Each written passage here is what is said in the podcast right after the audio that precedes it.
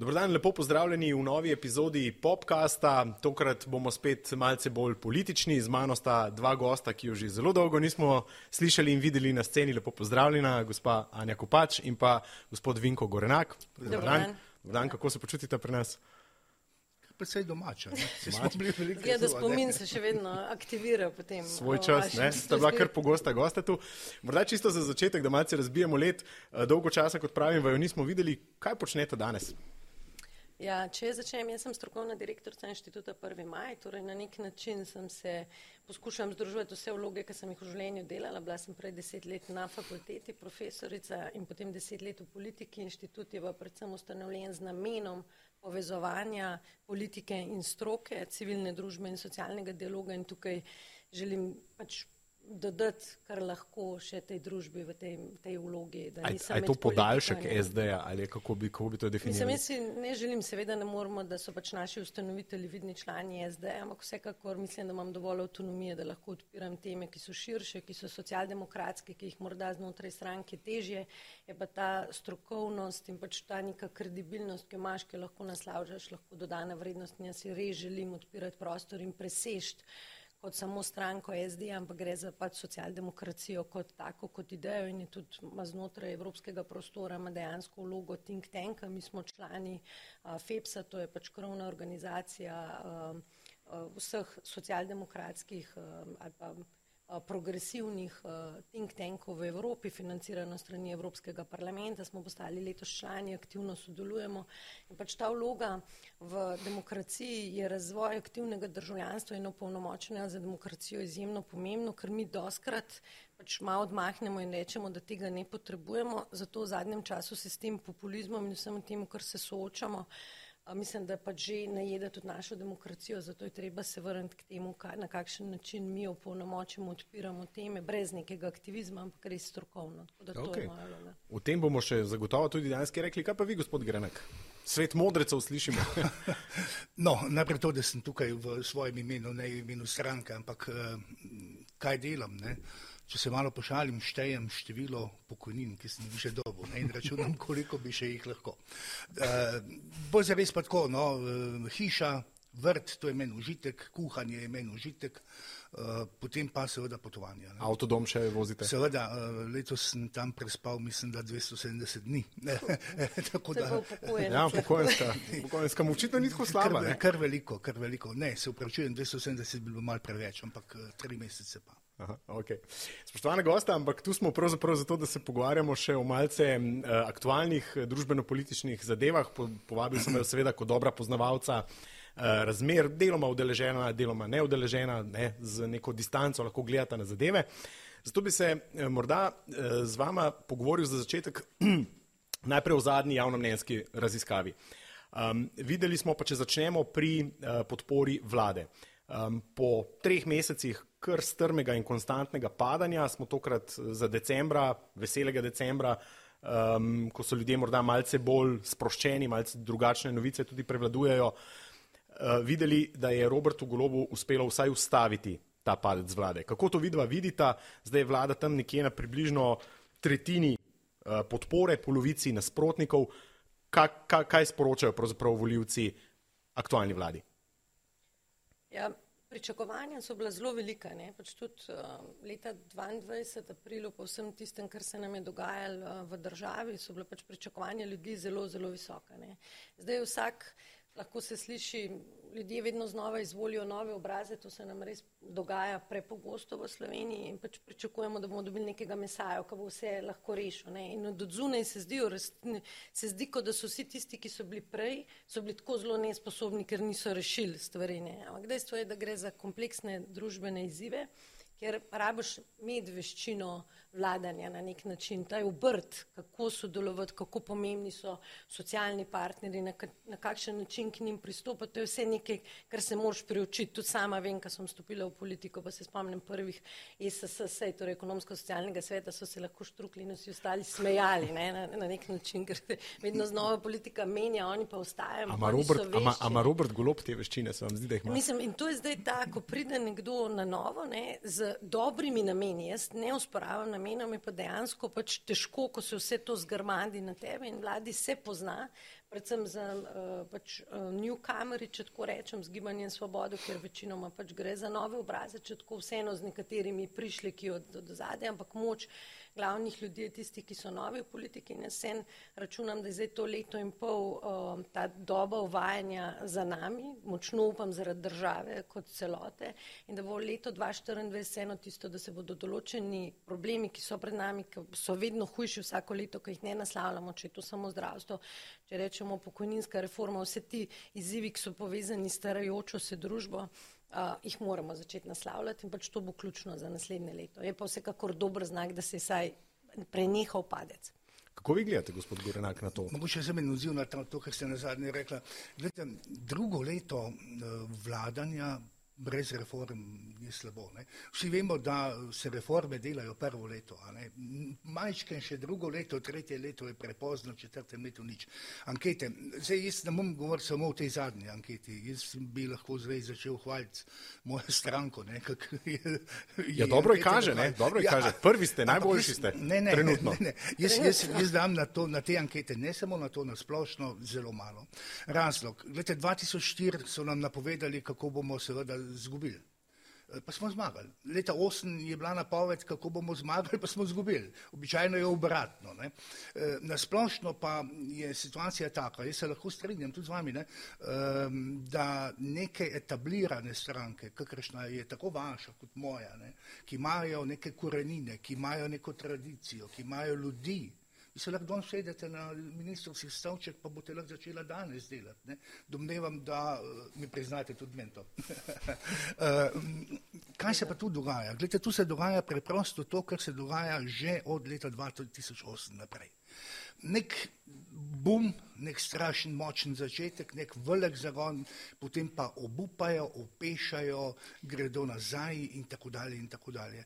Tukaj je tudi napoved možna za naprej. Jaz mislim, da je možna napoved za naprej. Ne? E, svoboda bo razpadla, ne? to moramo pravzaprav naprej vedeti. Yes. Del ljudi se bo preselil k, k vam, recimo, del ljudi bo šel k levici, del bo šel pa k tem tako imenovanim uh, neodvisnim ali nepovezanim poslancem. Uh, in to se bo dogajalo in jaz pričakujem, da bo celo na neki točki uh, svoboda padla pod SD. O mojem mnenju. V kakšnem času bi mogli aplaudirati? Ja. Nekako realna in pač mislim, da tukaj uh, pač vsekakor uh, si vse stranke legitimno pri, želimo, da seveda prepričamo čim več ljudi, torej da nam verjamejo. Ampak preko nekih dejanj, ki jih narediš, dovolj teh nekih lažnih obljub in jaz sem vesela, rečemo, če gremo na to uh, zdajšno anketo, rečemo, da je minister Han tako zelo visoko, ker ni značilno za izvršno vejo oblasti, da je tako mhm. zelo visoko. Predvsem zaradi tega, ker kaže neko to, on tisto, kar reče, tudi naredi naredi dejansko in tudi neko konsenzualnost kaže v svojih, svojih, politi, v svojih politikah. Ker jaz v osnovi zdaj velja za vse in pač za vse stranke, predvsem pa za vašo stranko, pač ta negativizem, na katerega smo, kapeljemo to državo na splošno, mislim, da je, menega je strah. Primer, če vprašamo neka tema, ki je pomembna, so migranti. Vsekakor je to neki ziv, bo tudi evropska, evropska tema, tema z evropskimi volitvami. In v bistvu se v bistvu vsi lahko strinjamo, da je to neki ziv, s katerim se moramo soočati. Tudi socialni demokrati smo vsekakor proti ilegalnim migracijam, vemo, da je treba nek najdete rešitev. Ampak mene skrbi ta diskusija, ko naslavljamo te migracije, predvsem z vidika strahu, da vzbujamo strah. Torej, to vam pogosto, to vam pogosto učitajo vaši stranki. Jaz nimam s tem, ali sem. Mislim, da v politiki bi morali biti pozitivni, ste, ker mi ljudi v javnem diskurzu, kar govorimo, imajo posledice na ulici se to videti. In mi smo prešli to, ta, ta dualizem, ki ga imamo v državi, je nevaren. Ampak pa se, jaz mislim, da se govorite obratno. Ta situacija je obratna, da levi politični pol, no pa nam zdaj vas obtežval osebno, ne, da počne nekatere stvari, ki niso dobre, ki niso prav, pa ni samo v Sloveniji tako. Bom re, rešil malo širše. Glejte, gre naša komisarka dol nekam eh, ta arabski svet, se zavije v črno ruto. Pride nek arabski šejk v Milano, v tako naredijo, kipe pokrijejo, ti te akte pokrijejo z črnimi rutami, gospoda, kaj motili to prilagajanje mene moti. Jaz, jaz sem globoko prepričan, da je Slovenija toliko bogata, da nima nobene moralne pravice odrekati pomoč, pomoči potrebnim. Tudi da. tujcem, torej tudi tem, ki prihajajo k nam. Ampak, ampak Seveda, ampak komu? Ne? In kdo so ti ljudje? Lede, če k nam pride mama s petimi otroki, če k nam pride starček, pa je tam preganjan, pa je tam vojna, pa je tam preganjan zaradi političnih sodb. Vse se strinjamo na tej točki. Ja, ampak pogledajte, kaj se dogaja. Kdo prihaja v Evropo? Mladi moški. Ampak mi lahko imamo v tem diskursu, ne da tem mladim moškim damo, da so kriminalci vsi. Ne, niso. Ne, mislim, ta, ta diskurs strahu. Ne, a, so, a so vsi mislim, enaki? Ne, ne, ne to je meni. Jaz sem v državi, jaz, jaz proti ilegalnim migracijam sva enako. Torej, pač ni ja, tukaj. Zdaj neka demagogija imamo, damo tako mlad moški, ki pa je, pa pač nima tega, da lahko legitimno beži, ker je ogrožen. Mi to sploh damo spodaj in rečemo ne in ta nas ogroža. In ni, meni je to Lejte, smešno, jaz se ne počutim ogrožena. Ljudje pa se počutijo vedno bolj ogroženi in imamo konflikte. Smo skoraj ugotavljali, da smo imamo isto, isto stališče. Skoraj. No, skoraj, Mislim, se... Izhodišče, izhodišče. Glede, glede, nastajajo nekateri stereotipi. Meni se je pred dvema letoma zgodilo neka sodna obravnava, kjer sem bil, rečva, oškodovanc ali pa tisti, ki je zasebno tožil, ne, tožbo dobil. A s predsednico državnega zbora? Eh, kako? S predsednico države. Ne, ne, ne, ne, ti, ti, ja, to, me, to lahko me odpremo, to temo. Morda, morda. Okay. Ne, ne, potem sodnica zaključi, obravnava končana, gremo po hodniku ven, prav, eh, vi, ki ne priznavate um, trajnega mandata in se zauzemate za ukinitev in, in tako dalje. Lejte, to je stereotip, ki ni točen. Mi nimamo nikoli, nikdar nismo zapisali nikjer, da je trajni mandat sodnikov ogrožen.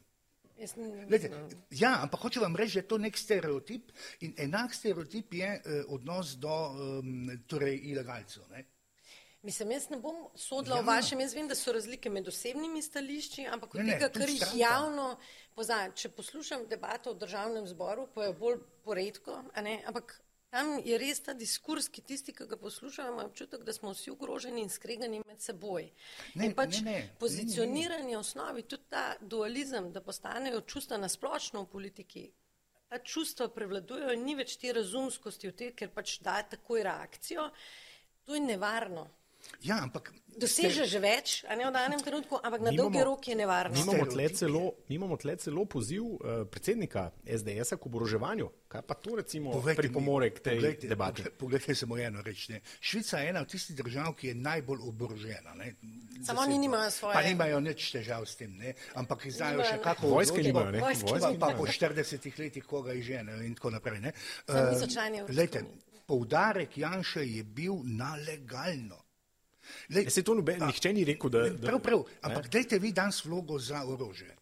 Veste, kako boste dobili odgovor? Nemogoče. Če nisem lovc, če nisem. Če, če niste lovc, če niste ogrožen, če ne, in tako dalje. In tako strelc, dalje podobno, ne? živite nekje v Kočevskem rogu, potem mogoče, ne? če pa živite v Ljubljani, pa ne. Se pravi, tudi če je ta poziv bil, ne, bom rekel, ni bil eh, dan z vidika eh, nekega oboroževanja zaradi, bom rekel, agresije, agresivnosti ali česar koli, ampak legalno oboroževanje pa. Meni je nespremljiv. Ne? V javnem diskurzu politiki ima tako vpliv na pač generiranje ljudi, njihovih občutkov, bi bilo treba bolj paziti, kaj v danem trenutku dobiš, kaj pa na dolgi rok povzročaš. In take izjave so meni pač nevarne. To je moje osebno mnenje. Pač pozivanje k orožju, tako ali drugače, je pač nekaj, kar vodi, vemo, kam nasilje pele, gledamo lahko Ameriko na kakšen Vem, način. Pač men, ampak sva. Lakirati pa tudi ne. Zdaj več niste na tako podobnih izhodiščih. Ne, ne smemo lakirati stvari. Ne, ne jaz ne ne lakiram, ampak ne, ne, imamo institucije ampak, države, ki ja, pač okay. morajo poskrbeti in okay. se absolutno je treba okay. odpreti in je vprašanje azilne zakonodaje. Vse to je legitimno. Zakaj, zakaj skrivati kriminal, ki se dogaja tukaj v Ljubljani in so iza tega ilegalci. Jaz se strinjam, Zakaj? da ne skrivati, ja, ampak, ampak delati z tega pa, pa ne, ne, disproporcionalno ne, ja, ja, ja, ja. je pa spet enaka e, e, težava. Pa imate občutek, da se ga skriva? Pop TV je nekaj povedal. Leta 15 je um, nekdo zaklav, dobesedno, policista v, kri, v Krškem, res Krško je bilo. Ne? In poročila vsaki so bila v Sloveniji, nemški državljan ga je zaklav. Ja, pa to, da je bil pa Ahmed, ne, to pa noben ni povedal. Am, pa tudi to, kar ste vi zanič poročali, vaš kolega Žiga Bonča, jaz sem se odzval na, na, na to zadevo, ne, on je zaključil zadevo kako, da kriminal po Ljubljani je, ki ga povzročajo ti ilegalni migranti, zaključek je bil, veste kak, ne, ampak še vedno pa slovenski državljani naredijo veliko več kaznjivih dejanj kot ilegalni migranti.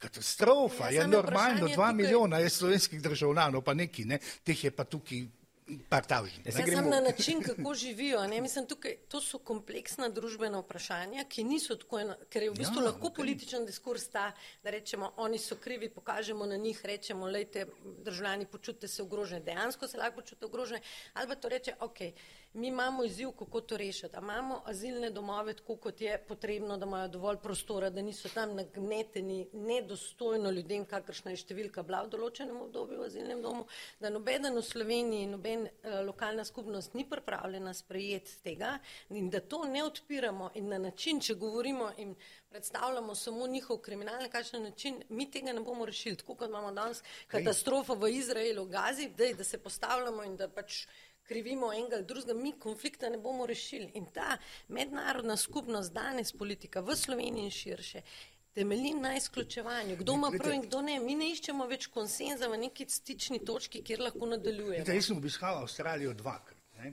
pred 20-23 leti prvič. Ne, in tam je mogoče spoznati vse ta odnos do ljudi, ki tja prihajajo. Pravzaprav so tako vsi tja prišli, ne, če bi temu tako Da. rekli, recite, ki so ta, tam rojeni. Tudi večinsko Ja, ja, ja. ja. Ampak na kaj so. želimo upozoriti? Ali, so, ali je SDS, recimo, ali pa slovenski državljani na splošno, ne, karkoli smo, so imeli proti ljudem iz Ukrajine. Nič, celo posebni zakon smo sprejeli. Ja, ampak je tudi del politike, na kakšen način se je politika ja, odzvala in zakaj vse je smo, to Zakaj del. smo to naredili? Iz temeljnega razloga, ker so sem prihajali starejši moški, pa Ni mame z otroci. Ne, ja, se oni, ne, ne, čakajte, sej mlajšim tem za vojno sposobnim, oni niti niso dovolili oditi iz države. Seveda, so imeli Niso prepoved. dovolili, Niso so imeli dovolili, ampak prepoved. jih je še vedno kar ampak. Te, te je treba sprejeti, vojna je tam. Lejte, pa vojna, je- tudi, vojna je tudi Vojna je tudi območju ne, tako da Je, jaz- jaz- je. Ahmedov, ne, kot pravi. Ja, Seveda, točno seveda, ampak sprejmimo in zagotovimo pomoč tistim, ki so jo nujno potrebni. To so starejši ljudje, otroci, Jaz ženske. se strinjam, za me je predsodek, ki je spodaj, je, da Ahmed ni upravičen Ne, sploh ne, do te pomoči. Tudi, ne, ta, in ta je v bistvu vse, jaz vem, da vi osebno to ne mislite, ampak v bistvu se potem zreducira diskurs na to, kar to ljudje najbolj slišijo. In potem to pride in pride ta dva zelo poenostavljene percepcije tega, kdo je dober, kdo ni. Če greva zdaj na karikaturo, ki je bila narejena v delu glede žensk, ne pač treh predsednikov. Natašo Pirc-Musar, Tanjo Fajon in Ampak to eh, je Urško enako, to je seksizem, ki predpostavlja ne vsebini, ampak mislite, govori bo kdo o nas- tem, Bo kdo na sodišču Se- zaradi tega? Namreč eh, Jože Mislim, Piščak iz demokracije je bil, ko je objavil na naslovnici nek, žensko pa neko črno roko. Tako, aha, to, n- Tam je bilo ja, več hočem črnih je rok. ne. No, neprimerno. okej, pa Tam je več, bilo- no. Tam je bilo namigovanjem, ne? pravzaprav očitek je bil, da je, da je šlo za rasizem tam ne? in spodbujanje sovraštva. Ja, se tudi, tudi gre ne proti Je pa ženskam. Ne? seksizem. Femi, ja. Ne, je seksizem, ne, Ja, to no, pač je. se izpostavi nekaj pač predvsem to, da je pač nekdo ženska. Torej, jaz nimam nikoli težave, da se vsebini pogovarjamo in da lahko smo kritični do vsebinskih, tudi nekih osebnih lastnosti, ni, ni to. Ampak ko pa ti greš vero, raso, pač te stvari, ki so nedotakljive in jih naslavljaš. Meni je šokantno, da danes v tem času v osrednjem časopisu to vidim in da je lahko tudi potem odzivi, ki so bili sam naslov in vse in da se za tem ne... je bila ogrožena, ne ogorčena. Ne? Mislim, me, me, mislim, da se sploh moraš odzvati na tak, se mi zdi res nedostojno. To je predsednica države, predsednica, uh, predsednica države, predsednica parlamenta in zunanja ministrica. Zdaj je, da se to kot žensko in da je se diskreditira na ta način v tem dobi, v kateri živimo, se mi zdi, mislim, To je enako kot Ahmed, kot tak. Ne? In to zdaj mi neke predsotke še vedno ste- nismo razčistili. Zgleda, da jih imamo še vedno opazila, družbeno. Da bi novinarska društva kaj uh, se oglašala. Ja, moram reči, da sem brala zdaj in da Mi pač smo v delali bistvu so prispevek o tem. Mi smo, mi, mi, mi, smo, mi se smo delali prispevek o tem. Ja, No, ampak prav, časno prav. razsodišče. In o tistem, ko vi govorite, in o tem. smo- Društvo Prav, novinarjev je rekel, da je to stvar uh, časnega razsodišča, tako da bo časno kaj so pa rekli pri Biščaku? To pa ne, ne, ne, Katastrofa. Ovadbo je treba podati, ne vem kaj vse. Ne. Ja, vidite, to, to pa tudi ni v redu. Ne. Eh, če Ne se- razumem tudi včasih odziv kakšnega vašega ja. SDS-a na kakšno stvar, ker pač je, ampak moramo vseeno razumeti ene stvari, da mislim, jaz sem se toliko naučila, pa z leti malo pač pride pol 50, da pač smo res ljudje, ko isto stvar gledamo na različne načine, jo razumemo. Ne? In to je treba v javnem prostoru pač vzeti, da imamo vsi pravico do svojega mnenja in zdaj res pomembno, na kakšen način to sporočamo, na kakšen način vodimo ta dialog. Kako je legitimno in kako prepoznavamo tudi drugmu, da ima pač drugačno mnenje o isti stvari. In da on je res prepričan, da pač ima prav, tako kot sem jaz, je pač tudi ste vi enako temeljeno prepričani zdaj v družbi, kako sploh še voditi dialog, da se bomo slišali, ne? ker mi se res izključujemo in to, to je nevarno. Tukaj bi jaz na tej točki debato pelil malo nazaj na naše stranke, politike, da. domače razmerja in podobno in bi skočil na lestvico politikov. Na lestvici politikov trenutno vodi Anžel Logar um, ki ni uspel s kandidaturo za predsednika države. Uh, na drugem mestu je, vi ste že omenili, gospodarski minister Matjaš Han. Uh, tretja je pa predsednica države, gospod Nataša Pirc Musar, ki je očitno uh, voljivci niso najbolj nagradili te ideje za višjo plačo. Morda kako vidva razumete to sej, sej, lestvico? To je potrditev tega, kar sem prej govoril. De, če, če sem mal grob, ne bom rekel, te ankete ustvarjajo javno mnenje, ne pa ga merijo. Lete, jaz eh, sem z Anžetom Logarem čisto ok, nimam z njim nobenih težav in bo ne zamiril, pa bo ven šel, ne bo šel ven, je čisto en, bo imel svojo stranko, ne, nič mu ne bom zamiril. Ampak, kaj pa mislite, da bo naredil? Kaj mislim, kaj bo naredil, ne vem, ampak sta pa sem dve potine. Ali gre leta 25 na kongres, eh, pa bo stranko vodo, premaga Janšo, ali pa gre ven pa naredi svojo, vse kaj druga, drugih poti ni. Ne? To je poziv tudi, ne, predsednika ne, ne, SDS, ne, ne, da, se, da se nekako izjasni. Ja, vse se bo moglo izjasniti, se ne moreš kot platforma, nisi politična stranka, ne boš šel na volitve, kao špol, ne, po debatni krožje, tako ga bomo izele. In kje ga vi, kje ga vi bolj Lete, vidite, ampak, gospod Gorenak, z vso vašo kilometrino? Ok, in... ampak vse, vse to, to sem hotel reči pred njemu. Lete, on je zdaj relativno neangažiran v državnem zboru. Zelo malo nastopa, Drži. zelo malo glasuje, ukvarja se s to platformo. Ja, odkot je po na prvem mestu? Sam to je značilnost. To je značilnost naših falš, javnih mnen. Če zdaj pogledamo to, pa gledamo katero koli, ne, vedno so na vrhu bili a, politiki, ki nimajo ki niso imeli veliko operativno moč z vedika, da vplivajo na življenje, na kakovo življenja prebivalk in prebivalcev. No, pri Hanu je tako čisto drugače. Pri Hanu je drugače, zato pravim, da je specifično pač Han visoko, ne prvič tako, prvič tako visoko nekdo, ki pač je v izvršni veji oblasti. Vedno smo imeli, in Borod Pahor je bil pač zmagovalec teh lestvic mnoga leta, ne? pa kot predsednik vlade nikoli. Skratka, pač ta razlika med izvršno mm. pa pač predsednik ja, je vse en predstavniška funkcija. Imeli smo vedno visoko uh, evropske poslance, pa evropskega komisarja, nekdo, ki ni tako zelo blizu slovenske politike, ker se dnevno govori o njemu. To je pač, zato je logar ni presenetljivo, torej pač s temi potencialom, ki ga mu pred, mi pretiče, se mu ga zdaj pač tudi v javni diskusiji vedno znova daje, je pač ta zgodba. Po drugi strani pa zanimivo, ker noben ni rekel, mi imamo, če pogledamo te najboljše ocenjene politike, niti trojke ne dosegajo. Ja. Tokrat prvič, tudi to. Ja. Tudi to, medtem ko je bilo včasih tri, Borut je šel proti, ne vem, zadnjo sem gledala o novembr 2018, imel 3,57. Ja. Torej, govorimo o povprečni oceni, ne, ki jo volilec da od 1 do 5 ja. in potem so se generira ta. Nižji, vsi dosegajo bistveno ja. niže. Jaz sem imela okoli 2,60, sem bila kome na lestvici, zdaj 2,60 zelo visoko. Skratka, ta ocena politikom se je bistveno znižala kot v preteklosti, kar je v bistvu tudi en znak. Ha, no? Ni presenečen za moje pojme ne, ne. ker si že Hanna moče samo. Če pravite, da je generiral. Ne, ne, um, um, pogledajte, leta 2006 je bil kmetijski minister Smrkol. Ne. Vele problem slovenskih medijev je bil, da ima sred, da ima višjo šolo. A si predstavljate, da ima fakulteto. E, pri Hanu vemo, da ima poklicno izobrazbo, ampak je za mene, ne tako izran dodam, ne, dober minister.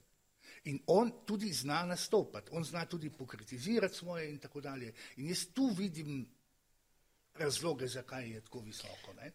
In nič ne. Mislim, vsi izhajamo iz tega, da želimo iz razloge, iščemo v tistem, kar je nam najpomembnejše. Jaz pač predvsem vidim ta konsenzualnost, ne konfliktnost. Ja, Res ne, vidite, ne. Ja.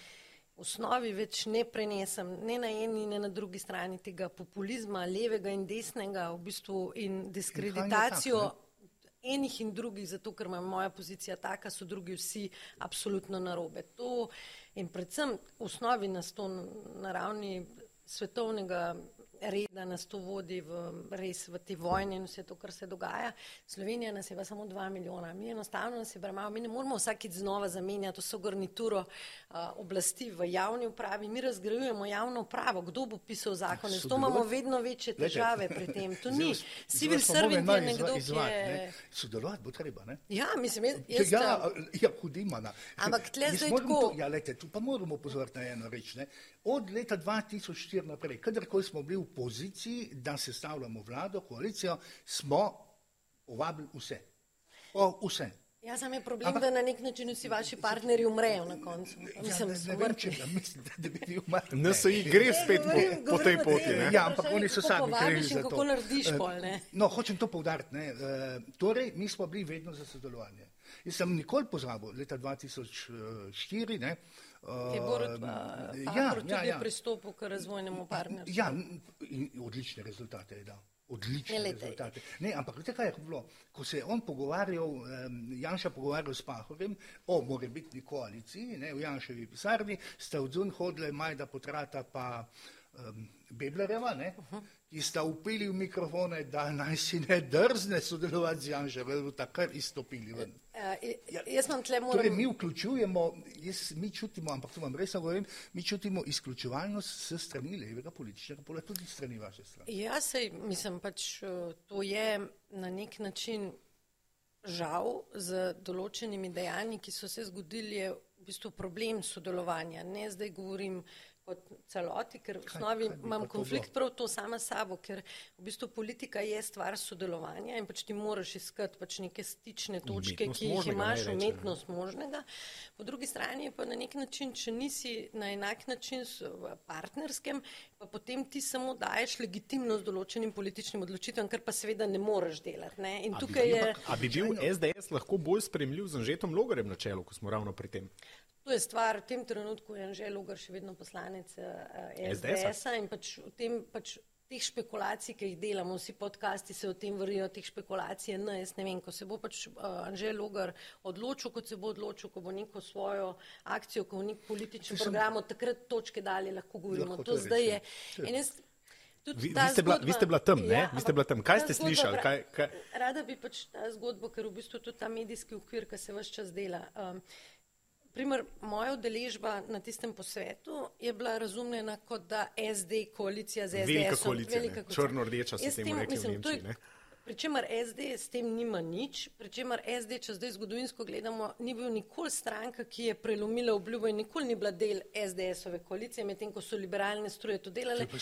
Nam, jaz sem govorim dejstva in pa se je to dogajalo ne, in torej ta okvir, ki ga želi dati, je nespremljiv, hkrati pa morate vedeti, da jaz kot posameznica, kot Anja Kopač ali pa kot direktorica inštituta, je grozno, da ne morem imeti na posvet neke platforme, ker gre v osnovi za neko povezovanje, ker diskutirajo o nekih političnih temah, eh, eh, razvojnih, pomembnih razvojnih, ne političnih temah, razvojnih vprašanjih. nove alternative. To, v tem trenutku je pač tam bila sam diskusija, na kateri so sodelovali gospodarstveniki, bila je debata. In cel javni diskurs ni bilo o tem, kaj so tam povedali, kaj je bila vsebina. Je bila je samo to, kdo je tam bil in, in v bistvu se je naredil, in se je naredil vzorc, ker smo bila z Dejanom Prašičkom tam, uh -huh. da smo mi, da ne vem kaj, poslana, ne vem koga. Mislim, To je reduciranje ljudi zgolj na nekaj, ne vem kaj smo, mislim, politični subjekti. Ne, ne, ne vas spomnim na eno reč, no? se ste preomenil, ne? Eh, partnerstvo za razvoj. Lete, vi in mi, torej, S, eh, torej takratna koalicija, torej druga, prva Janševa vlada, uh, smo imeli z vami sporazum o razvojnem sodelovanju. Tako, tako. In jaz osebno sem to nekako koordiniral med Pahorjem in, in okay. SD-jem pa vlado. 66 odstotkov zakonov smo uskladili z vami. Ampak do te mere, da so vaši poslanci glasovali za. Samo. Razumem. In jaz tudi mislim, da neko povezovanje na nekih ključnih razvojnih temah v Sloveniji ja. je treba. Mi imamo. Vidite, Ferri Horvat je bil en, pa, pa Vizjak na drugi uh mhm. -huh. strani. Ne? To sta dve take osebe, veste, spravljive, ne bi človek rekel. Ne? Ona dva sta se pogledala, pa sta se zmenila, jaz sem pa tako le sedel na sredi, ne? če dej, dejmo, poprav ta člen tak pa bo, ne? ok bo. Ne? In smo se vse dogovorili. Nasprotno, pa ko smo imeli zvira, pa majdo potrata, se nismo dogovorili nič, razen da je stopila jedna na druga. Se pravi, ena- v ljudeh je veliko. Ne? Tudi, absolutno. In uh, stranke niso samo pač to, jaz smo tudi ljudje, kdo sodeluje, to vsekakor. Dejstvo pa je, vse mora biti tudi odkrita. Jaz, saj, jaz osebno mislim, da SDS 2004-2008 ni enačaj danes SDS. Ko, to je tudi nekaj. Pa je kaj drugačnega. Eh, V bistvu ta No, če- politika se kakšni- je kakšni- radikalizirala v določenih pogledih. No? Mislim, tukaj, to je moje os- osebno tudi, ker pač Nekaj ljudi je tudi odšlo, ne?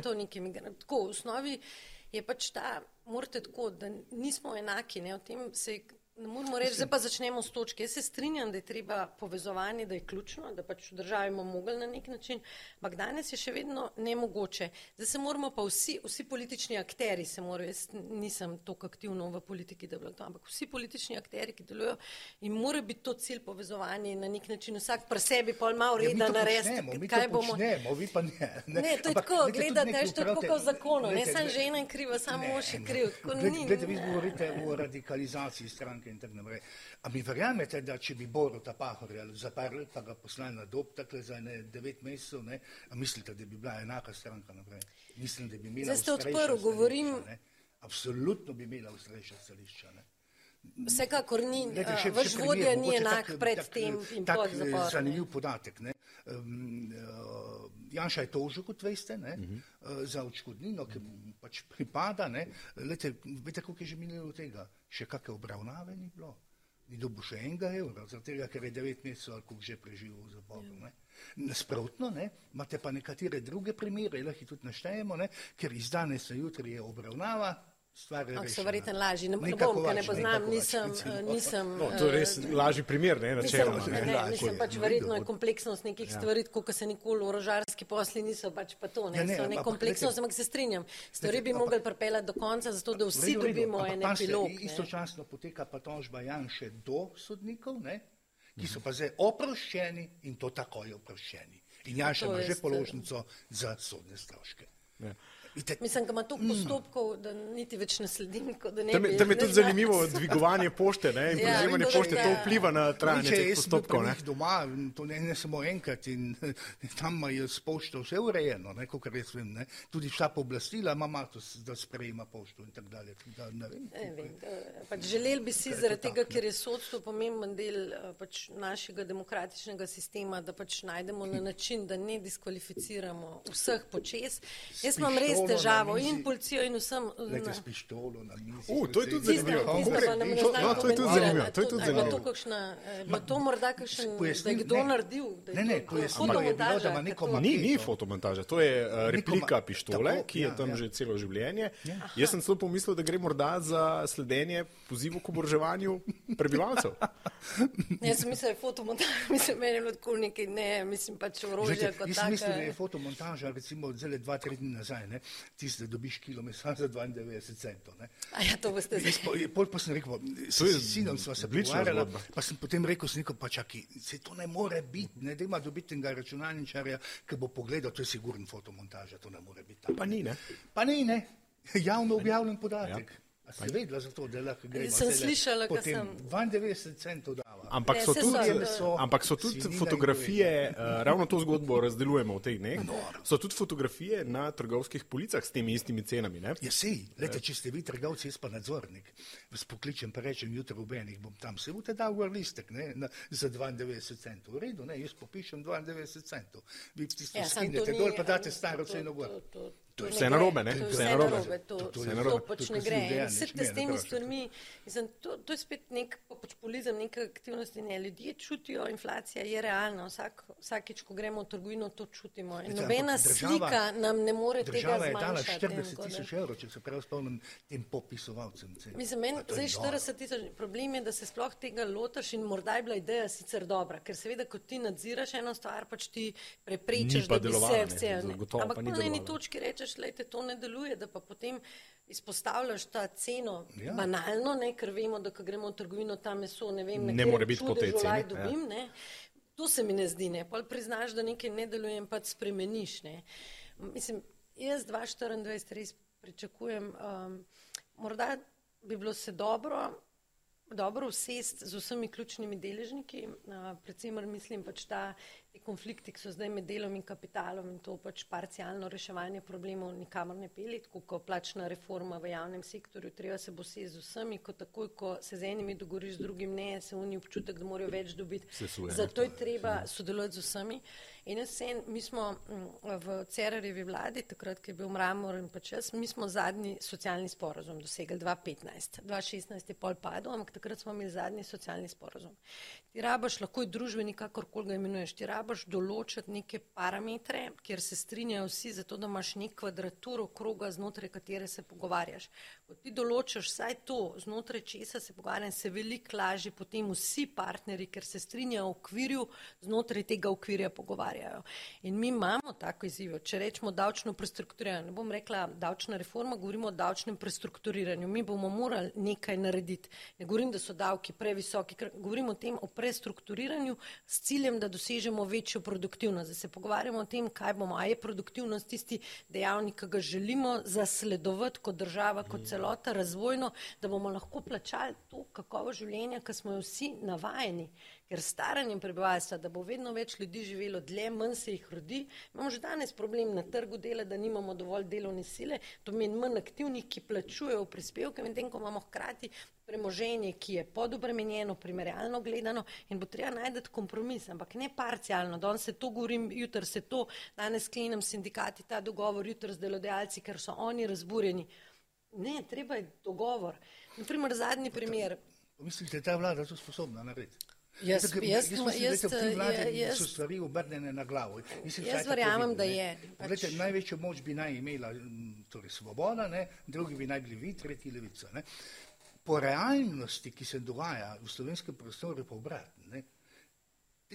Par manjcev z levice, ne, pravzaprav komandira celo vlado in posledično državo, vaša moč je druga, po mojem mnenju. Oni tako ne vejo, za ko se gre. Vse oni ne vejo, za ko se mislim, gre. Tako diskredit... Mislim, ne, pa ni, ni, pač, ni, uh... ni to diskreditacija. Ja. Ampak realno vzamete, Tisto, kar je nastalo, je nastalo pravzaprav v Levici, nastalo je pri vas. Jaz se ne spomnim nobene resne reči, ki bi nastala Ni pri energetiki. Tudi svobode, infrastrukturno ne? mislim, da je to tako, da je to no. ponazarjanje. Ene stvari so bolj uh, občutne, ne seveda tisto, kar je minister za delo, tisto, kar ljudi zadeva, so bolj, je pač bolj. Uh, transferi bolj jasno, so hitro občutljivi. Transferi, vse to pač te, a ne minister za delo nikoli ni bil pač visoko rangiran, ampak vse pa dotika, ne, nikoli ni tisto, vsakega, ne. točno tako, tako da je ta občutljivost enih, reč, da ni bilo nič, tudi energetska kriza, ki je bila, mislim, pač vsaka vlada ima svoje izzive, tako kot je imela glede, pač vsaka do zdaj. Glede, nič, Bi si pa želela več nekaj. Veliko, veliko je bilo obljub, vse bo drugače, vse bo odlično, vse bo najboljše. Tudi vaša obljuba v stotih dneh do, do zdravnika, ne specialista. Zdaj smo pa, močna, smo pa, zdaj smo pa res, ali ste pri tistih stotih dneh do telefonista. Ne? Pa nisem rekel, ne. da ste to vi krivi. Sej nisem rekel, ne, da ste vi krivi. Tudi SD je... ne bom rekel. Ne? Ne, Ampak ne, tudi, uh... to so obljube, ki jih ne bi smel dati, ker, ker jih niso uresničljive. Lej, zdaj, tako, ali je obljuba, ali pa pač izpostavljamo, mislim, jaz no, obljubo je, kot absolutno nek cilj, ki ga moraš zasledovati. In politik, če ga daš, moraš potem vse stremeti k temu, da to dosežeš. Torej, če rečeš, da, da to. Tudi, ne, ne, ne pač v osnovi moraš in pač neke cilje moramo imeti. Koliko smo imeli kot država, problem danes, ki ga vidim, je tudi ta. Prej smo si želeli biti, da smo bili samostojna država, pa smo se vsi poenotili, pa smo lahko res ponosni na dan, ko smo glasovali za samostojno državo. Pa smo se poenotili v Evropski uniji, pa smo stremeli k temu vsi cilju. Danes krtavamo, mi nimamo, ampak zdaj javno zdravstvo je res pred kolapsom, oziroma je že kolapsirano. Torej zdaj, brez, te, ampak to ni stvar, a te vladi uspeli, ne pa se vsi malo do zadaj gremo. Mislim, pač vsak more, če bi bili da bi pravilno imeli rad svojo državo in da bi država stopila in državljani in državljanke v spredje, tisti, za katere delamo, potem na določeni točki bi mogli znati tudi te politične nestrinjanja vseh. Ja, zdravstvo ne, mora biti, zdravstvo bi mogla biti vem, točka, ko se dogovorimo. Mi bomo, naši poslanci bojo takoj za. Za vse reforme, ki so potrebne v zdravstvu. Nobenega problema. Samo sem na mizo nič ne prenesel. Menjajo ministra, ne, poglejte, poglejte, kaj dela, ne, eh, kmetijski pa, kaj, pa Brežan, kaj je že bil. Ne. Ja, ti na mal zajamra, ne, o nutrijah pa o prašičih, ne, in lovci ne streljajo prašičev, ampak golo podstreli ministr. Mislim, to je spet taka stvar, da se tako zelo je prijeta, ja. tudi meni všeč, ne me narobe razumeti, ampak to se zelo hitro prime, vsi se jo zapomne lahko in potem to, ko no, je bilo dokazano, to so novinari eh, dokazali. Ne v informacijah, kam so šle, kaj je zahtevala, kdo je kaj poročal. Pa tak, pa Jaz to zelo niti ne. Mislim, dokaz, ne interes to, je bil, ne, interes je bil definitivno. Mislim, vse aktivist ima vedno ja. legitimen interes, koliko je interes delodajalca ali pa kapitala, da ima čim nižje davke, koliko je interes legitimen sindikatov, da se bori za pravice više plače. Vse to so legitimni vprašanje, na kakšen način potem to vlada, ki pač mora uskladiti različne interese in skrbeti za delovanje sistema kot celote, pač to integrira. No. Kaj pa, kaj pa spoštovana gosta, če mi malce pogledamo zdaj, eh, imamo politično sliko pred sabo ob koncu leta. Videli smo, recimo, eh, kako je če, čez celo leto recimo, šla eh, moč največjih strank. Gibanje Svoboda je začelo s približno tako eh, razliko, kot se je potem zrcalno obrnila v, v odnosu do SDS-a proti koncu leta, ne, se pravi, ista slika obrnjena eh, na okoli. Kaj pa recimo leto 2024? Čakajo nas evropske volitve, Uh, slišimo že debate o predčasnih volitvah, pa morda, če začnemo pri predčasnih volitvah, recimo, gospod Gornak, a vi verjamete, da je v tem razmerju moči um, v tem državnem zboru, da je, da je zgodba predčasnih volitev možna. To je, da nima gospod Janša omenil, gospod Golop je pa rekel, to so tako rekoč mokre sanje. Lejte, samo, rekel, če mi date, gospod Janša ne bo videl tega filma. Če mi date na razpolago odgovor da ali ne, bom rekel, da je odgovor ne, da torej niso možne in da, bo leta, da bojo leta 26, vsaj po mojem mnenju. Namreč eh, ni pa nič izključenega. Lete, en dan prednji je Šarc, kot smo rekli, vrgel puško v koruzo, je bilo Vse v redu, ne? kaj bi bilo kaj narobe, nič ne, vse je potekalo, po je pa odletela tam koruza, pa je bilo fertik, ne? ki so se zakalkulirali. Po mojem osebnem mnenju bo šla zadeva v dezintegracijo, kot sem že prej rekel, svobode, ne? to bo šlo sigurno na razen uh, mm, selitve poslancev, bojo ustanavljanje nekih novih strank ali novih obrazov. To se bo dogajalo, da bi pa mm, eh, torej sedajni predsednik vlade eh, pustil zadeve tako daleč, da bi prišlo do prečasnih volitev, pa je malo verjetno. Glede, on ima, dajmo se biti realni, ne? on ima 53 poslancev, uh, manjšinca sta načeloma vedno za na vladni strani in tega ne smemo zamiriti to je 55 ljudi, uh, on lahko odslovi vas, on lahko odslovi levico, enega od teh dveh in lahko še vedno vlada. Ma vedno še 46 glasov, ne? On samo nekako. Lahko ima tudi manjšinsko vlado. Lahko ima tudi manjšinsko vlado, ja, tudi to je res, ne? Tako da težko je verjetno, da bi prišlo do predčasnih volitev. A, jaz tudi vidite to možnico.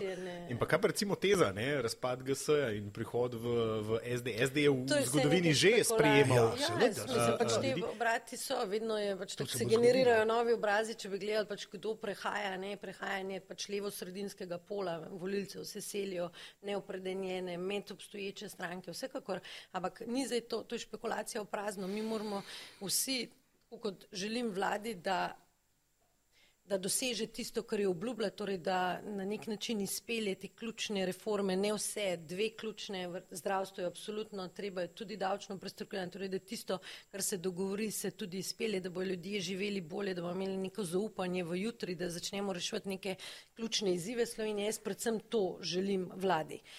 Zdaj pa kaj bo pa znotraj pa špekulacije in danes se strinjam s tem, da pa zagotovo nič ne moramo več reči, ker v bistvu se stvari res zgodijo iz danes na jutri. Je pa vseeno možnost manjša ob takem številu poslancev, kot so. Vseeno, da se bo nekaj, da je konstruktivna nezaupnica, da uspe. Vsekakor, če pogledamo, je drugačna situacija.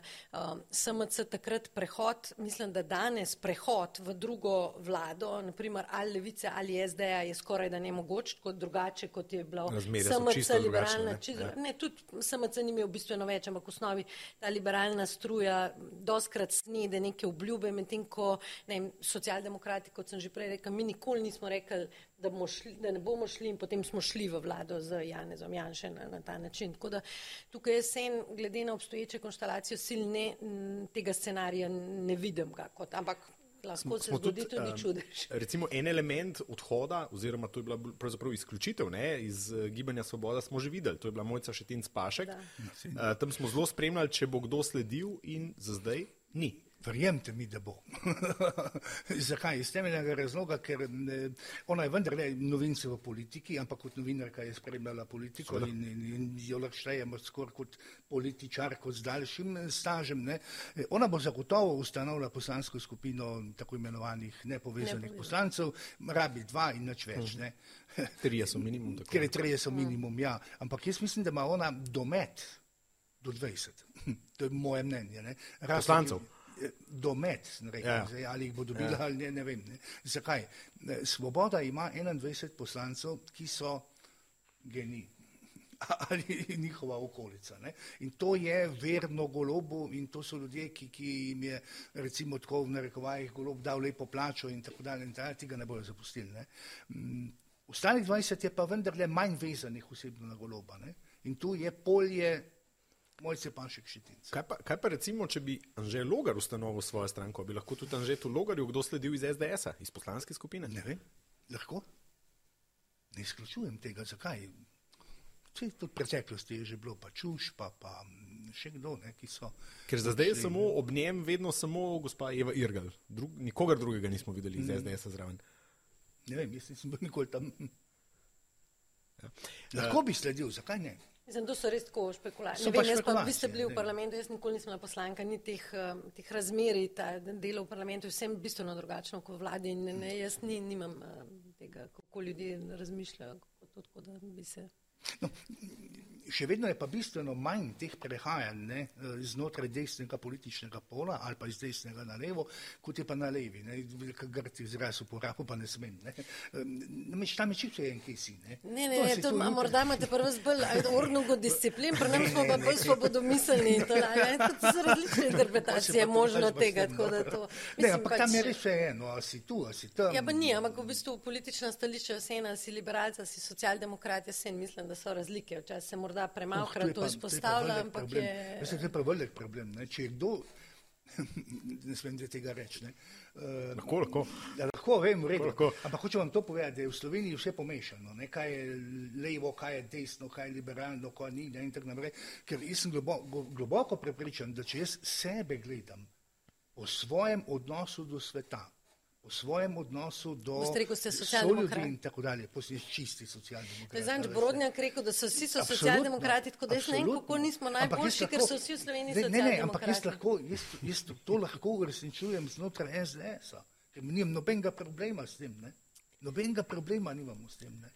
Kaj pa, spoštovana gosta, še ena velika tema naslednje leto, bodo pa recimo s tem počasi zaključimo debato, um, evropske volitve. Kaj lahko tle pričakujemo, kaj lahko recimo po svoje socialdemokrati ponudite? Veliko se um, ugiba, imate dva aktualna poslanca, uh, rezultat ste naredili nekako z Tanjo Fajon, ki je bila vedno močna na, uh, na evropskem parketu, tokrat je ni, seveda kot zunanje ministrice. Po drugi strani SDS je vedno tvoril neko koalicijo, oziroma zadnjih, ne vedno, dvojne, ampak dvojne. dvakrat zapored, uh, neko koalicijo, jo vidite tudi tokrat. Kaj napovedujete, recimo, no, za, za prihodnost? Mi smo imeli samo enkrat, ko se spomnim, koalicijo z ljudsko stranko in Bogovičem. Ne? Ni bil še enkrat? Ne, Bogovič je bil pa prej na, pri NSI. Ja, ja, tist, tam je bil, na, na ja. resnici. Ja. Ampak je bila spet ena sodelovanje, okay. ne? Tako hočem reči. Zdaj, evropske volitve so take, da ni, niso enake državno-zborskim, to moramo najprej vedeti. Um, tukaj ljudje volijo drugače ne? in tudi prak je drugačen. Jaz vem, kako bo se prak ponovil, ko je devet poslancev. Uh, mislim, da bo se bo približal desetim odstotkom. Ne? Pa še preferenčni glas je. Pa še, še preferenčni glas je. Poglejte, kak je Borut Pahor na iz zadnjega mesta. Ne, to preferenčni glasovi so se prijeli in bojo igrali pomembno vlogo. Sigurno, Sigurno. bojo igrali pomembno ja. vlogo. Zdaj, kako bo razmerje moči, zelo težko rečemo. Namreč v tem trenutku jaz nekaj ne vem, kaj bo Lojze Petrle naredil. Ne? A zdaj jaz, jaz ne, ne, ne razumem, kaj se bo s tega rodilo. Zdaj, če bo tam šla ljudska stranka sama, Nova Slovenija sama, pa če bi eventualno še Petr Lešal uh, sam na svojo pot. Je to čisto drobljenje, ne? Je pa popolno drobljenje, se jim zna zgoditi, da ne vedno odpršo, veste. Je tako nepredvidljivo. Tukaj, nepredvidljivo je, ne? mislim, absolutno so evropske volitve poslovno drugačna zgodba. Zdaj, če gremo malo iz konteksta Slovenije, ker imamo pač ta razmerja, pa to drobljenje, so pa izjemno pomembno za Evropsko unijo kot tako, ne? ker v bistvu to, kar se nam dogaja, pač ta um, moč strank, ki so popolnoma proti EU-ju kot anti-establishment torej anti-establishment in pač to, kaj se bo dogajalo, kako se bo Evropa v naslednjem koraku, je pomembno. In v bistvu jaz si želim predvsem, da ne bojo teme tako zelo to čustvena migracija za proti izključevanje, ampak da bo odprl nek prostor, pač kako bomo sobivali skupaj. No. In mene, vas, jaz se bojim teh uh, volitev prav zaradi tega, ker bo ta. A vas uh, matična stranka, uh, kje vpraša uh, za evropske volitve kot njihovo, se pravi, kot njihov inštitut? Za mnenje, za morda kakega kandidata, v bistvu ki sodelujete tu zraven? Ne, v bistvu po, odpiramo teme. Naprimer, sem imela zanč eh, posvet, ki mislim, da je bil res dober, zanimiv, kjer sta bila Erik Brecel, dr. Erik Brecel in dr. Marko. Ki je bil zelo kritičen, ki je bil zelo kritičen. Ja, ne, mislim, pa se ni, ni, v osnovi ni problem ta kritika, vedno, če jo. Pač, ampak izrazito pa do SD-ja in do SDS-a. mislim, pač ni to. Mi smo se pogovarjali o zdravstvu, kako na kakšen način oni vodja strateškega sveta uh -huh. in z te vloge mislim, da je prav, da, da sem vesela, da je bil na posvetu svetu. Marko Bitenske ponati izključuje, da nekaj ni, ampak mi, mi naše javno zdravstvo predstavljajo tudi koncesionarje in skupaj je treba najti rešitve. In potem družinska zdravnica, pač to so posveti, ker želim pač odpirati ne to izključujoče, ampak odpirati odpiram. Pa smo imeli posvet o uh, izzivi financiranja dolgožive družbe, ker so vsi dejansko izpostavili to, da imamo določiti kvadraturo kroga. Mi ne moramo delati ločeno pokojninsko, zdravstveno reformo, brez da vemo, koliko imamo in koliko bomo za kaj dali. Dolgotrajno oskrbo, mislim, to so res na koncu, če ne bomo zagotovili financ in hkrati delovne sile, ki bo delala, kaj pa povezano z delovanjem javnega sektorja, koliko imamo, koliko plač, mi na koncu bomo lahko imeli najboljši zakon, celo lahko financira pa ljudje, ki bodo to delali ne. Skratka, imamo res številne izzive, ki bi jih bilo treba tako malo strateško začeti naslavljati. No? Treba še čisto kratko. Zanj je govoril gospod Glob o tem, kako je treba tako imenovano javno zdravstveno mrežo ukrepiti. Vsebina govora je bila pa taka, da on sploh ne ve, ko je javno, pa ko je državno zdravstvo. Govoril, govor, ne, govoril je o tako javnem zdravstvu in je pri tem izključeval te koncesionarje. Veste, da ne gre skupaj, človek ne ve, za ko se gre. No? To jaz težko komentiram, ja. dejstvo pa je, da zdravnikov imamo uh, v Sloveniji naprem uh, pač drugim državam OECD Evropa manjše število na 100 tisoč prebivalcev, imamo realen problem za številom zdravnikov. In seveda s tem je pač treba vprašati, na kakšen način bodo vsi sodelovali. Treba je pa država, da da okvir, ki je spremljiv. To, da je koncesionar dobi več prihodkov na odhodkov, to je vprašanje načina plačevanja storitev in tega, ne pa da je koncesionar slab ali ne. Jaz bi želela to razpravo, ne da torej mi rečemo dvoživke smo proti, ampak na način, kako lahko vsi prispevajo k tem, da ljudje z napotnico čim prej pridemo do storitve. Ampak eh, mene je v resnici bolj zanimalo kadrovsko, če vas kaj stranka vpraša. Ne, razumem, ne, razumem ne, vsebinsko, ne, ne, da odpirate ne, kot think tank ne, določene teme. Ne, kadrovsko pa ne, ne, to pa ni, ni, ni mojega dometa, da eh, to niti nimam.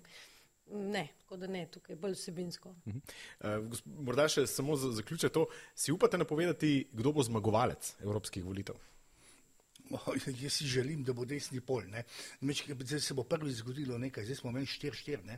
Um, zdaj pa zdaj devet. Zdaj pa, zdaj pa moralo biti 5-4. In jaz, če bo ta desni del, mislim, da nas je ljudsko petrleta in tako naprej ravnal pametno, upam, da bo tukaj vendarle pet poslancev. Ne? Jaz pa upam, da bo tako kaj na predsedniških, ki ponavadi zmaga levi pol, tako da se bo to zgodba, pač ko govorimo o tem, kje je Slovenija, je bolj levo ali desno, se pa vedno Slovenija o tem, ko se pač raz, pač, ko se preštejemo, upam, smo se, bolj upam, levo. Da, da je, upam, da je, da je to, to, to. upam, da je sedanja predsednica za en mandat. Upam. Mislim, jaz ti pa želim predvsem uspešen ta mandat in da bojo potem poslanci, pa, da bomo posvolili. Da nimam težav.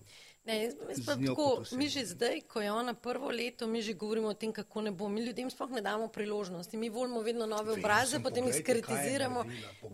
Dajmo počakati, da naredijo, vsi delamo tudi napake, tako da smo verjetno oba dva naredila kakšno napako. Kaj, kaj je največji učitelj, gospod Grnek? Lejte, Kučevski rok, ona pravi, ne bom šla tja dol. Pa je tam deset tisoče mrtvih slovencev. Prva, prvi postroj slovenske vojske v Kučevski reki zelo pred dnevi. Gospa se tam ne pojavi pa je vrhovna poveljnica. Lete, to, to, to, to, lete, to, to je vaš pahor. Ja, seveda, ampak pogledajte, tu je pahor bil predsednik vseh slovencev. In zdaj ga desni pol sprejema, levi pol pa strelja po njemu v narekovajih. ne. Pravzaprav je to že nekaj časa veljalo To je že za časa Pahorja. veljalo. ne? Paste, on- njegovi knjigi to dobro razloži, On kdaj in kako se je zgodilo. On ne. ni desničar. Ampak smo ga mi, desna stran ga je akceptirala zato, ker je korekten. Da vam nekaj povem, jaz sem bila, ker so me skoraj pogrom sem doživela, jaz sem bila hudi jami, zdaj ker kot ministrica za No, jaz delo smo mi skupaj. Ampak veste, kaj je nek problem? Jaz nimam res osebno nek težav, jaz sem imela celo to smolo, da sem bila pri odprtju hude jame. Takrat ministra ni bilo zunanjega ministra, ni bilo Žbogarbe takrat ministra, jaz sem bila državna sekretarka par tednov in v bistvu sem se s Kosorjevo tam srečala. Čist na, už, mislim, tisti je bil eden hujših dogodkov za me osebno, ker je bilo pač res eh, ni bilo lepo tisto videti in res grozno. In jaz vsekakor moje stališče, da vsak zasluži pravico do pokopa, ampak tudi hudajama, ko smo jo, ko smo sodelovali pri tem, da se pač vsem zagotovi grob, je bilo vseeno na tem dogodku spet tudi na drugi strani zlorabljeno na način, da se pretvarja zgodovina. Tako sem jaz osebno dojela. Ni, ni bilo samo pokop tam, Saj da se ne zagotovi. Ni, je zaradi tega, kot da v bistvu je vse slabo in se vedno znova No, najdemo točno na tem partizanstvu, da je bilo vse slabo, da je Ne, bilo napačno, ne, kdo je bil Ne, agresor. moj oče je bil, eh, če želite, nekaj dni v 14. diviziji. Tako da ne, ne moramo tako levo desno jeti, ne, potvarjanje zgodovine. Ja, potvarjala se je od leta 45, ko so jih pobili, pa do leta od, do odkritja. To je bilo potvarjanje. To je bilo potvarjanje, ko, je, ko so ljudje tja nosili ro, rože, pa ne vem kaj vse, pa se to ni smelo dogajati. Ne? Zdaj pa ni več potvarjanje, zdaj gre pa za to, da je to dejstvo, ki ga priznava tako leva kot desna Vse smo vsi, pa mislim, noben Ja. ni bil, vse bil kučan, je bil v kočevskem rogu. Mi še vedno Ja, vem, odpiramo ampak bil je teme, tam ki. enkrat svega v žepu, dajte no. Ja, ne vem, če bi vsi go. Bil je tam v trenutku, ko smo se osamosvojili v 90-ih, ki je bilo to pomembno, pa pa na točki ponavljanja, vse čas je pa tudi vprašanje, ali Ne, to, ni treba ponavljati, ni treba želimo. ponavljati. Ne, Mislim, da je bila tudi roka s Šuštarjem nekje, ne? Ni bila takoj že takrat v 90. Ne, roko sta si dala Ja. tam. a Ne? In to, to, to smo vsi, ki smo takrat bili, rečemo, polnoletni, doživljali kot nekaj izjemnega, nekaj izjemno dobrega. Ne? Ampak on se ni nikoli več tam pojavil. Ne, To je pa tudi res, ne? zato trdim, da je bila figa v žepu. Ne? Veste? Ne, jaz, to, okay. jaz mislim, da je pač. Kako takrat mislil iskreno, ampak hočem reči, da je pri vseh temah mi ne bomo mogli enih stvari, ki jih ne vidimo, moramo res minimalno točko sobivanja ugotoviti in jet naprej. Ne vedno znova odpirati teme, ki so boleče za eno ali drugo stran in v bistvu iskati te razlike med nami. Mi moramo na eni točki reči, lejte, pokopali Tako, smo. ne, moramo, ne? Vse smo jih. Mislim, A veste, kaj vam bom povedal? Pečevnik pri celju, hujša zgodba kot huda jama. Eh, Hrastnik, hujša zgodba kot huda jama. Manda. Treba, To no, treba je, mislim, pač- ne, ne, paste, ne, jaz sem tam bil na teh krajih. Ne. To pač, recimo pečevnik pri celju, ne. star rudnik, isto kot Barbara, ne, ker imaš pa danes mučvirje, ne, ker pot, potok tam čez teče. ne. ampak se strinjam verjetno, da to namo dela še naslednjih sto let. Ja, odpreti moramo. In pa- bolečino vedno odpreti- znova. Ja, odpreti moramo pa jih pokopati, nič drugega. Nič drugega. In naj to še raziščejo zgodovinarji. ne. generacija Ja, ne, ne ne. bo obremenjena mojih otrok, ne, niti Ja. ne, ne vedo več. Ker in- ni huda jama edina. Ne. Na tej točki, spoštovana Ja, gosta, končajmo. Hvala, gospod eh, Gornjak, hvala, gospod Kopač, da boste še ujeli naslednji pogovor, eh, kamor šibate naprej. Hvala tudi vam, eh, ker ste spremljali pogovor. Kot videli, začeli smo na podobnih in z, uh, z ideoloških točkah, končali smo na zelo različnih. Vsekakor pa hvala za pogovor in hvala za spremljanje. Predvsem tudi uh, uspešno in zdravo, predvsem leto 2024. Ja, seveda to, vsekakor. Hvala.